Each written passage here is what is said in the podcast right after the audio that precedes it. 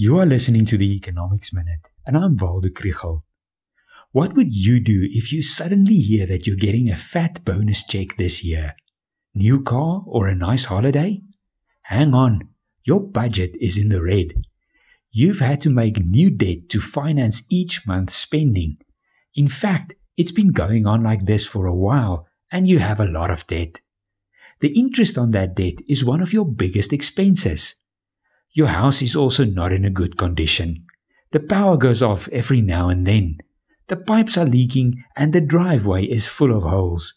The place has not been painted for a long time. And you found out the other day that the security system is not working as well as you thought. And then you get that bonus.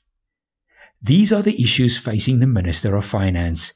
As a result of the boom in commodity exports, it looks as if the government will receive 100 billion rand more in tax revenue than they budgeted for.